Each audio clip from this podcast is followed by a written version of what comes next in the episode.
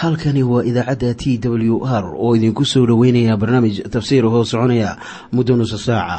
Waxaana barnaamijkan codka waayaha cusub ee waxbaridda ah idiin soo diyaariya masiixiin soomaaliya.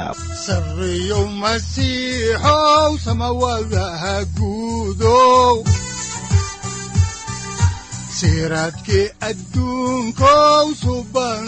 ku soo dhowaada dhegaystayaal barnaamijkeenna dhammaantiinba waxaan horay u sii ambaqaadi doonnaa daraasaadkii la magac baxay baibalka dhammaantii. Waxaannu caawa idiin sii wadi doonnaa barashada kitaabkii koowaad ee samuel. Wuxuuna kitaabkani ka hadlayaa isbeddel weyn oo ku imaanayay qaabka xukuumadda reer banu israa'iil.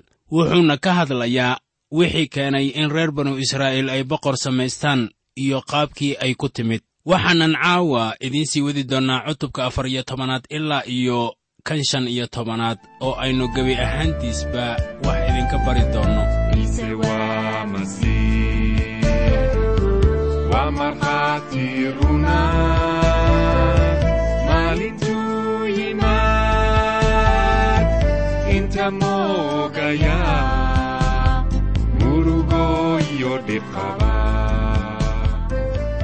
markii noogu dambaysay waxaannu ku guda jirnay dagaalkii reer banu israa'iil iyo reer falastiin ee ka dhacayay deegaanka beytaawen waxaanan aragnay in yonatan oo ahaa wiilkii saa'uul uu ku guulaystay dagaalka oo uu eryaday reer falastiin.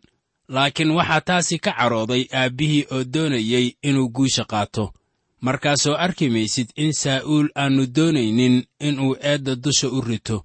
Wuxuuna leeyahay qof kale ayaa dembaabay markaasaa ciidankii u aamusay waayo waxay wada garanayeen in yonatan uu guusha u soo hooyiyey reer banu israa'iil. Saa'uulna wuxuu leeyahay sababta aan ilaah iigu jawaabin maanta waxay ahayd in uu jiray qof diiday inuu i addeeco oo uu jebiyey dhaartaydii. Ciidanku way garanayeen inuu yonatan ahaa kii dhedhamiyey malabka oo waxay garanayeen in saa'uul aannu arkaynin markii yonatan malabka uu dhedhaminayey markaasay iska aamuseen waayo isagu wuxuu ahaa boqorka. Haddaan qisada halkaas idinka sii wadno waa kitaabka koowaad ee samuel cutubka afar iyo tobanaad aayadda afartanaad ayaa waxaa qoran sida tan. Markaasuu reer banu israa'iil oo dhan ku yidhi idinkoo dhan joogsada aniga iyo wiilkayga yonatanna dhanka kale ayaannu joogsanaynaa dadkiina waxay saa'uul ku yidhaahdeen wixii kula wanaagsan samee haddaba ciidamadu way iska wada aamuseen waayo si kale oo la yeeli karo ayaan jirin. Haddaan horay idinku sii wadno kitaabka koowaad ee samuel oo aan eegno cutubka afar iyo tobanaad aayadda afartan iyo koowaad ayaa waxaa qoran sida tan.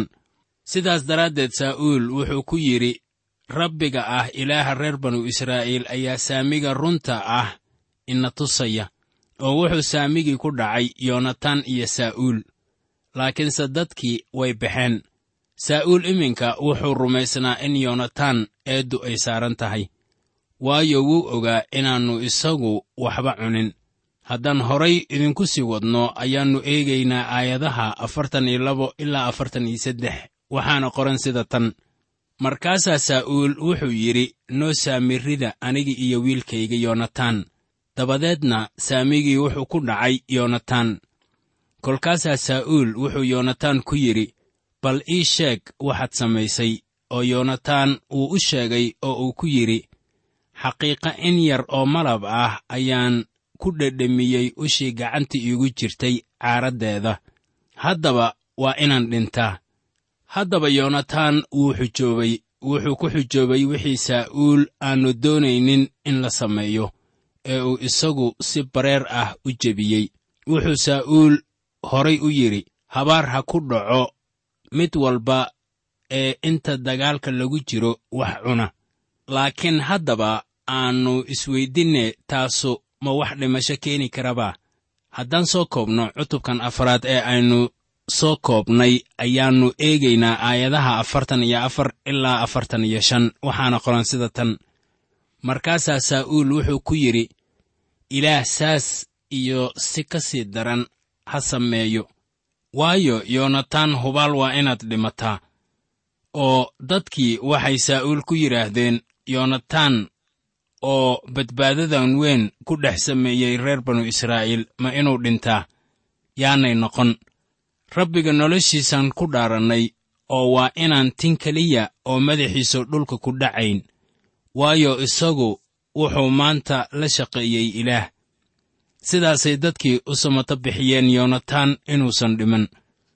Saa'uul wuxuu doonayaa inuu dilo wiilkiisa hadduu isaga ka hor yimaado. Muxuu haddaba sidaas u yeelayaa? Wuxuu sidaas u yeelaya waxa weeye wuxuu ka masayray wiilkiisan yoonataan wuxuu doonayey in ammaanta oo dhaniba keligiis u lahaado. Ciidammadu way ka aamuseen intuu daldalmayey laakiin markii u damcay inuu dilo wiilkiisa ayay si kulul uga hor yimaadeen. Waxaan iminka arkaynaa dabeecaddii dhabta ahayd ee saa'uul. Wuxuu doonayey inuu sameeyo shay masiibo ku noqon lahaa qaranka reer banu israa'iil. Haddaannu ilaah soo dhexgeli lahayn wuxuu baabbi'in lahaa qaranka oo dhan. Wuxuuna muujinayaa saa'uul inaannu ahayn nin ilaah ka cabsada. Wuxuuse ahaa nin shayddaan ah. Cutubka xiga ayaannu ku arki doonnaa inaannu saa'uul kol dambe raacaynin ama addeecaynin amarrada ilaah. Ilaahna kol dambeeto la sii hadli maayo oo hoggaamin maayo. Isaguna wuxuu raacayaa cadowga ibliiska. Dabeetana waxaannu arki doonnaa saa'uul oo la tashanaya naag faalisa oo joogta ama degganayd cayndoor. Waxaanay haweenaydaasu u taagan tahay dunida jinniyada xidigashaagga shayddaan caabudka iyo bidcinnimada waxaan leennahay dadkayagaba laga waayi maayo kuwo badan oo faaliya ama xidigashaag ah. Waxaannu iminkana soo gaarnay cutubka shan iyo tobanaad ee kitaabkii koowaad ee samuel. Mawduuca uu ka hadlayana waxa weeye caasinimadii saa'uul marka la eego sidii uu uga hor yimid amarkii ilaah ee quseeyey reer camaleekh iyo waxay haystaan iyo boqorkoodii agag caasinimadii saa'uul ee uu ku caasiyoobay amarka ilaah ayaa lagu arkayaa cutubkan. Waxaan kaloo arkaynaa inuu raadinayo in samuelna uu u ceeb qariyo dembigiisii uu dadka hortiisa ku sameeyo. Saa'uul iminka ilaah baa diiday mana lahan si kale ee uu kaga samato baxayo dhibaatida ay addeecisdarradiisu keentay mana lahan si kale ee uu kaga samato baxayo dhibaatida ay addeecisdarradiisu keentay. Waxaa kaloo aan arkaynaa samuel oo u oynaya saa'uul haddaba waxaad kaloo la yaabaysaa seeftan la goostay in lagu laayo reer camaleekh iyo boqorkii agag. Jawaabtuna waxay ku qoran tahay kitaabkii ester. Haamaan oo ku dhowaa inuu laayo dhammaan dadkii yuhuudda ahaa ee bershiya ku noolaa ayaa ahaa reer camaleekh ilaah wuxuu garanayaa dabeecadda reer camaleekh taasoo markii ugu horraysaba laynoogu muujiyey kitaabka baxniintii cutubka toddoba iyo tobanaad aayadaha siddeed ilaa lix iyo toban. Waxaanay ahayd markii ay reer banu israa'iil cidlada lugaynayeen waxaanay soo eryadeen reer banu israa'iil oo daallan markaasay dad badan ka dhammeeyeen haddaba inta aynu ku jirno waxbariddan khusaysa noloshii saa'uul ayaannu arkaynaa in saa'uul uu ahaa nin shayddaanku uu leeyahay. Waxaanan ku kalsoonnahay inaynan cadaaladdarro ku samaynin haddaannu nidhi wuxuu ahaa nin shayddaan ah. Shakhsiyan anigu ma rumaysni in weligii la badbaadiyey. Waxaanan rumaysanahay in wax cun ay ka dambeeyaan munaafiqnimadiisa wuxuuse iska dhigayaa inuu yahay nin ilaah. Laakiin ma ahayn wuxuu kaloo isku dayayaa inuu daboolo caasinimadiisa iyo addeecisdarradiisa kadib markii uu badbaadiyey agag. Haddaan horay idinku sii wadno xigashada kitaabka oo aan eegno kitaabkii koowaad ee samuel cutubka shan iyo tobanaad aayadaha kow ilaa saddex ee baalka saddex boqol afar iyo lixdan ee axdigii hore waxaa qoran sida tan markaasaa samuel wuxuu saa'uul ku yidhi rabbigu wuxuu ii soo diray inaan kuu subko inaad boqor u ahaatid dadkiisa reer banu israa'iil. Haddaba bal maqal codka erayada rabbiga. Rabbiga ciidamadu wuxuu leeyahay reer banu israa'iil markay masar ka soo baxeen camaleeq wuxuu ku sameeyey iyo siduu jidka ugu hor joogsaday waan ogaaday. Haddaba tag oo reer camaleeq laa oo waxay haystaan oo dhan wada baabbi'i oo iyaga innaba ha u turin. Laakiinse wada laa nin iyo naag iyo dhallaan iyo caananuugba iyo dibi iyo ido iyo geel iyo dameerraba haddaba amarkaasu wuxuu kuula muuqan karaa mid naxariis darra ah. Waase haddii aadan garanaynin taariikhda reer camaleeq. Nebi muuse oo garanaya reer camaleeq iyo wixii ay ku sameeyeen reer banu israa'iil ayaa reer banu israa'iil uga sheekeeyey wixii ay ku sameeyeen markii ay cidlada joogeen. Waxaana falimihii xumaa ee ay sameeyeen lagu qoray kitaabka sharciga ku noqoshadiisa cutubka shan iyo labaatanaad aayadaha toddoba iyo toban ilaa sagaal iyo toban. Haddii dadkaas loo oggolaado inay sii noolaadaan waxay sida abbaarta ah geysan lahaayeen khasaare ka xun kii ay horay ugu geysteen reer banu israa'iil. Sida muuqatana saa'uul wuxuu badbaadiyey qaar dadkaasi ka mid ah. Sida agag oo ahaa boqorkii reer camaleeq. Markii aynu soo gaarno kitaabka ester ayaannu arkaynaa mid ka mid ah kuwii la badbaadiyey oo ahaa haamaan. Ninkanu wuxuu isku dayey inuu laayo yuhuuddii joogtay dhulka ay ka talin jireen reer bershiya wuuna ku guulaysan lahaa haddaannu ilaah soo dhex gelin haddaba markii aynu ka baaraan degno aragtida ilaah ee dadkaasi ayaan garan karnaa waxaa amarka noocaas ah ee ah in la laayo reer camaleeq loo soo saaray maadaama innagu aynu nahay bini'aadan ayaa waxaa wanaagsan inaynan go'aammada ilaah waxba ka sheegin haddaan horay idinku sii wadno xigashada kitaabka oo aan eegno kitaabkii koowaad ee samuel cutubka shan iyo tobanaad aayadaha afar ilaa lix waxaa qoran sida tan. Markaasaa saa'uul dadkii u yeedhay oo tela'iim buu ku tiriyey oo waxay noqdeen laba boqol oo kun oo nin oo lug ah iyo toban kun oo nin oo reer yuhuuddah ah. Kolkaasuu saa'uul yimid magaaladii reer camaleeq oo dooxadii buu ugu soo dhuuntay.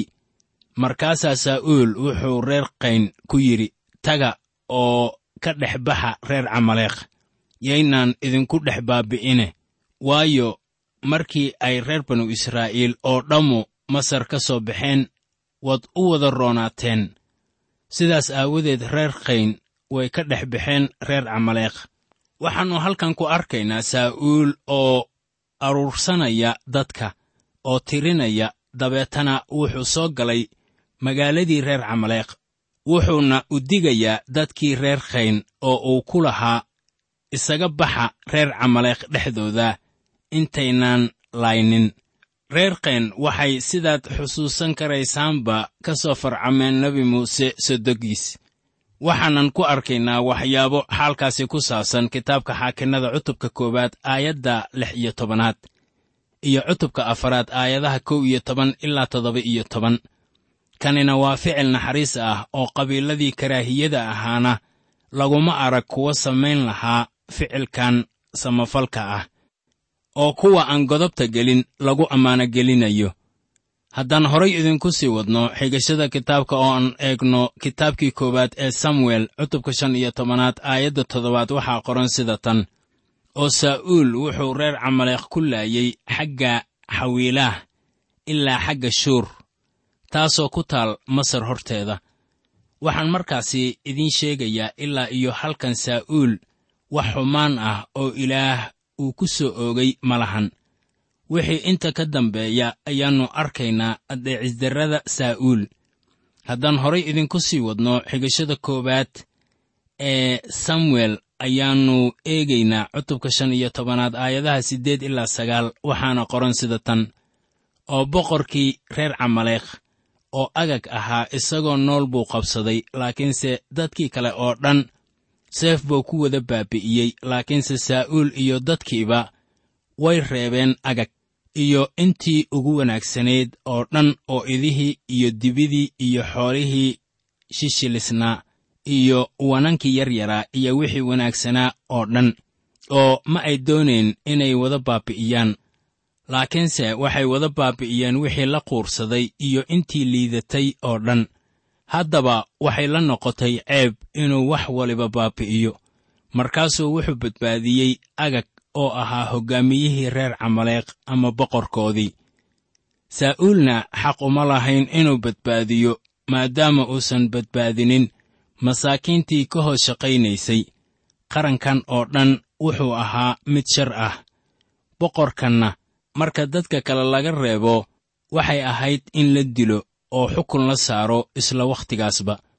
Saa'uulna xaq uma lahayn inuu badbaadiyo lo'dii waxaanay u muuqanaysaa dantii weerarkuba inay ahayd inay wax soo bililiqaystaan. Ilaahna bililiqo waa xarrimay reer banu israa'iil waxay xukun ilaah ka yimid saarayaan reer camaleekh haddaan qisada halkaasi idinka sii wadno oo aan eegno kitaabkii koowaad ee samuel cutubka shan iyo tobanaad aayadaha toban ilaa kow iyo toban waxaa qoran sida tan. Markaasaa samuel waxaa u yimid ereygii rabbiga oo ku leh waxaan ka qoomamoonayaa inaan saa'uul boqor ka dhigay waayo la socodkaygii dib buu uga noqday oo mana uu oofin amarradaydii oo samuelna wuu carooday oo habeenkii oo dhan rabbiguu u qaylinayey iminka waxaannu arkaynaa in dadka oo keliya ayaan saa'uul dooran. Samuel qudhiisuba wuu doortay. Samuelna wuu jeclaa saa'uul wuxuuna doonayey inuu boqor wanaagsan noqdo. Waxaan u malaynayaa inuu saa'uul wax badan ka jeclaa daa'uud laakiin saa'uul ilaah baa diiday. Samuel oo isagu ilaah ka cabsada waa inuu sameeyo amarka ilaah. Saa'uul ilaah ma raacin ilaahna xukun buu ku soo rogay. Iminkana waxaannu soo gaarnay maaddada ku saabsan samuel oo canaan dusha uga tuuraya saa'uul. Si aynu arrinkaasi wax uga ogaanno ayaa waxaa muhiim ah inaan isla eegno xigashada kitaabkii koowaad ee samuel cutubka shan iyo tobanaad aayadaha laba iyo toban ilaa saddex iyo toban. Waxaa qoran sida tan. Markaasaa samuel aroor hore uu kacay oo wuxuu damcay inuu saa'uul ka hor tago oo waxaa samuel loo sheegay oo lagu yidhi saa'uul baa yimid karmeel oo bal eeg halkaas tiir xusuus ah ayuu ka taagtay oo intuu wareegay ayuu gudbay oo gilgaal ku dhaadhacay. Oo samuelna saa'uul buu u yimid markaasaa saa'uul uu ku yidhi isagii rabbigu ha ku barakadeeyo anigu amarkii rabbiga waan oofiyey. Saa'uul wuxuu leeyahay anigu amarkii rabbiga waan oofiyey laakiin waxaad eegtaa sida samuelna uu kaga jawaabo. Waxaanan jawaabta ka eegaynaa kitaabkii samuel cutubka shan iyo tobanaad aayadaha afar iyo toban ilaa shan iyo toban. Waxaa qoran sida tan. Markaasaa samuel wuxuu yidhi haddaba waa maxay micnaheedu cidan idaha ee aan dhegahayga ku maqlayaa iyo cida dibida ee aan maqlayaa oo saa'uulna wuxuu yidhi reer camaleekh bay ka keeneen waayo dadku waxay u reebeen intii ugu wanaagsanayd ee idihii iyo dibidii inay allabari uga bixiyaan rabbiga ilaahaaga ah. Intii kalese dhammaantood waannu baabbi'innay bal waxaad dhegaysataa saa'uul sida saa'uul uu u hadlayo isagoo doonaya inuu daboolo sidii uu wax yeelay. Wuxuu halkan keenayaa ama la imaanayaa dood macquul ah oo quduusnimo lagu laray taasoo uu ku qarinayo bililiqada. Wuxuuna doonayaa inuu ka dhaadhiciyo inuu xoolahan wanaagsan ilaah u bixinayo. Hase yeeshee taasu waa iskuday uu ku daboolayo addeecisdarradiisa oo wuxuu iska dhigayaa inuu u sameeyey cibaadaysi aawadeed. Markii addeecisdarradii saa'uul la ogaaday ayaad garan karaysaan inuu isku dayey inuu dad kale ku eedeeyey wixii dhacay. Wuxuuna yidhi dadka ayaa waxay badbaadiyeen idahan iyo dibidan. Haddaba waxaa qoran in saa'uul iyo dadkuba xoolihii ay bililiqaysteen laakiin ayaan wada baabbi'in sidii ereyga rabbigu uu ahaa. Haddaba isaga ayay eeddu saaran tahay waayo isagaa dadka boqor u ahaa. Haddaan horay idinku sii wadno xigashada kitaabka koowaad ee samuel cutubka shan iyo tobanaad aayadaha labaatan ilaa kow iyo labaatan ayaa waxaa qoran sida tan. Markaasaa saa'uul wuxuu samuel ku yidhi waan addeecay rabbiga codkiisii oo waxaan maray jidkii rabbigu igu diray oo agag oo ah boqorkii reer camaleekh ayaan keenay oo reer camaleekhna dhammaan waan wada baabi'iyey. Laakiinse dadkii wax bay ka qaateen xoolihii la dhacay ee ahaa ido iyo dibi iyo waxyaalihii qaaska ahaa ee la nitray inay gilgaal allabari ugu bixiyaan rabbiga ilaahaga ah saa'uul wuxuu leeyahay waxaan addeecay amarkii rabbiga. Waxaad ogaataa sida uu u leeyahay oo wuxuu yidhi ilaahayga ama ilaaheenna. Marna wuxuu leeyahay ilaahaaga dooni maayo inuu xilka dhabarka u rito ee ah inuu isagu bililqadan ku jiray ee eedduna ay saaran tahay. Haddaan horay idinku sii wadno ayaa waxaa ku qoran kitaabkii koowaad ee samuel cutubka shan iyo tobanaad aayadaha laba iyo labaatan ilaa saddex iyo labaatan sida tan markaasaa samuel uu yidhi rabbigu miyuu aad ugu farxaa qurbaanno la gubo iyo allabaryo siduu ugu farxo in codka rabbiga la addeeco. Bal eeg addeeciddu waa ka wanaagsan tahay allabariga maqlidduna waa ka wanaagsan tahay baruurta wananka. Waayo caasinimadu waxay la mid tahay dembiga sixirka madaxdayguna wuxuu la mid yahay shar iyo sanam caabudidda. Waxaa diidday ereygii rabbiga oo saas daraaddeed isna wuxuu kuu diiday inaad boqor sii ahaatid. Haddaba qidcadani waa mid ahmiyad sare leh oo inoogu qoran qorniinka. Tanina waa diidmo ilaah uu ku diidayo saa'uul inuu boqor sii ahaado. Iyadoo diidmadana sal looga dhigayo caasinimadiisa iyo addeecisdarradiisa ilaah. Waa farriin muhiim inoo wada ah innaga oo dhan khaasatan kuweenna sheeganaya inay yihiin carruurtii ilaah. Haddaba waxaa jira kuwo badan oo yidhaahda ciise waa saaxiibkayo ama waa ilaahayo. Laakiin waxay ilowsan yihiin inuu yidhi saaxiibaday baa tihiin haddii aad amarkayga xajisaan haddaba su'aashu waxa weeye miyaa masiixa daacad u tahay? Sidee baanse saaxiib ugu yeedhi karnaa haddaynan addeecin? Haddaba kuweenna masiixiyiinta ah waxaa laga yaabaa inay adkeeyaan amarka ah. Addeecistu way ka wanaagsan tahay allabari markaana diin waliba ee aynu haysanno iyo si kastoo aynu isugu sheegno inaan masiixiyiin nahay ayaynan saaxiibayaal noqonaynin masiixiyiin haddaynan garanaynin sayid ciise masiix in la gartana waxay leedahay nolol daa'iman ah. Haddaan horay idinku sii wadno xigashada kitaabka aayadda afar iyo labaatanaad ee cutubkan shan iyo tobanaad waxaa qoran sida tan. Markaasaa saa'uul wuxuu samuel ku yidhi waan dembaabay waayo amarkii rabbiga iyo erayadaadiiba waan ku xadgudbay. Maxaa yeelay dadkii baan ka cabsaday codkoodiina waan addeecay. Bal waxaad eegtaa sida ninkanu uu iskugu ciyaaray. Wuxuu leeyahay waxaan ka cabsaday dadkii. Sababtaas aawadeed ayaan u raacay wixii ay doonayeen. Wuxuu doonayey inuu qof waliba ka farxiyo. Dad badan ayaa la mid ah saa'uul.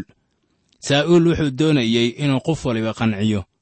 Waana run in saa'uul uu qirtay haatan xadgudubkiisa laakiin toobadkeenkiisan ma ahan mid rasmi ah. Haddaan horay idinku sii wadno xigashada kitaabkan koowaad ee samuel cutubka shan iyo tobanaad aayadaha shan iyo labaatan ilaa soddon waxaa qoran sida tan.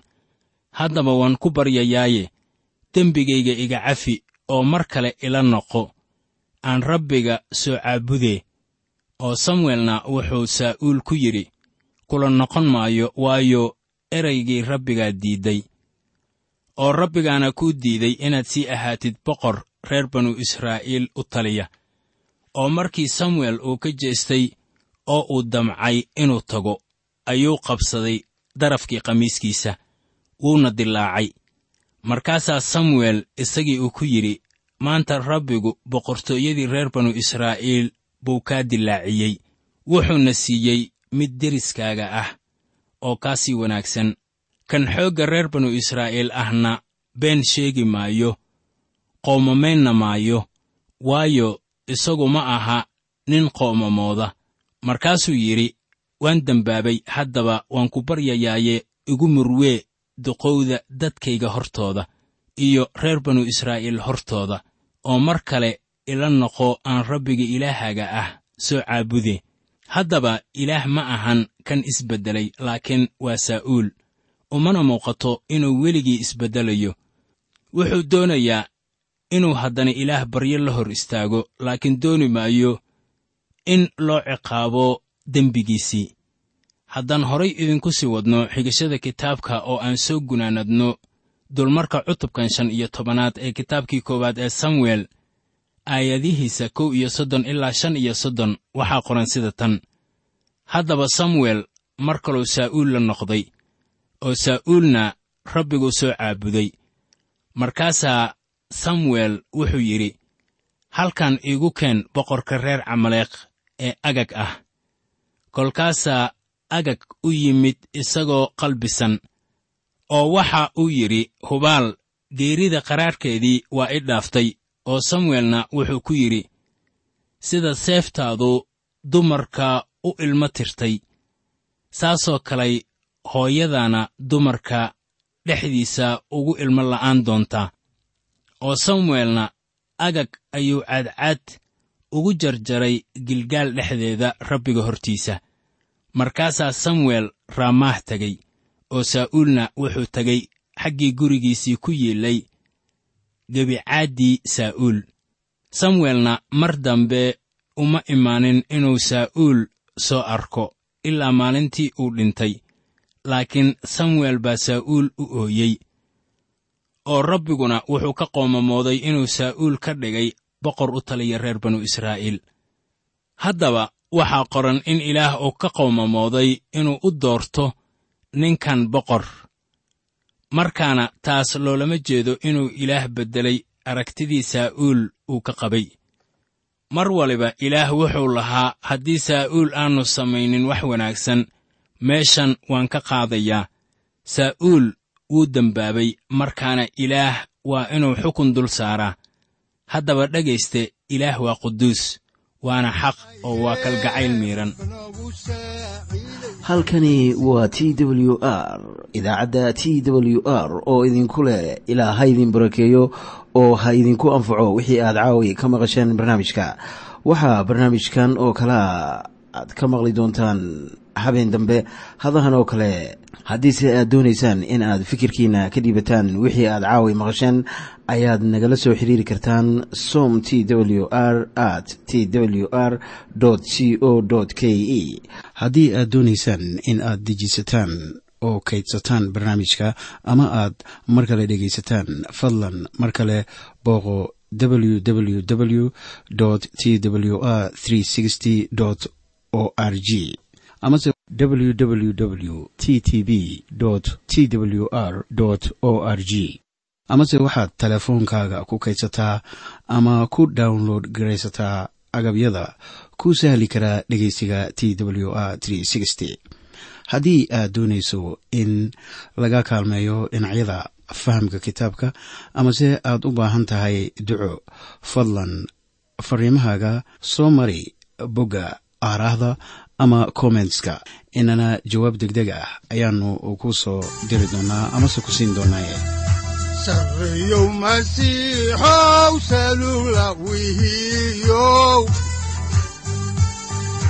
saacadda timid dhulka sabada ku dhalatiyo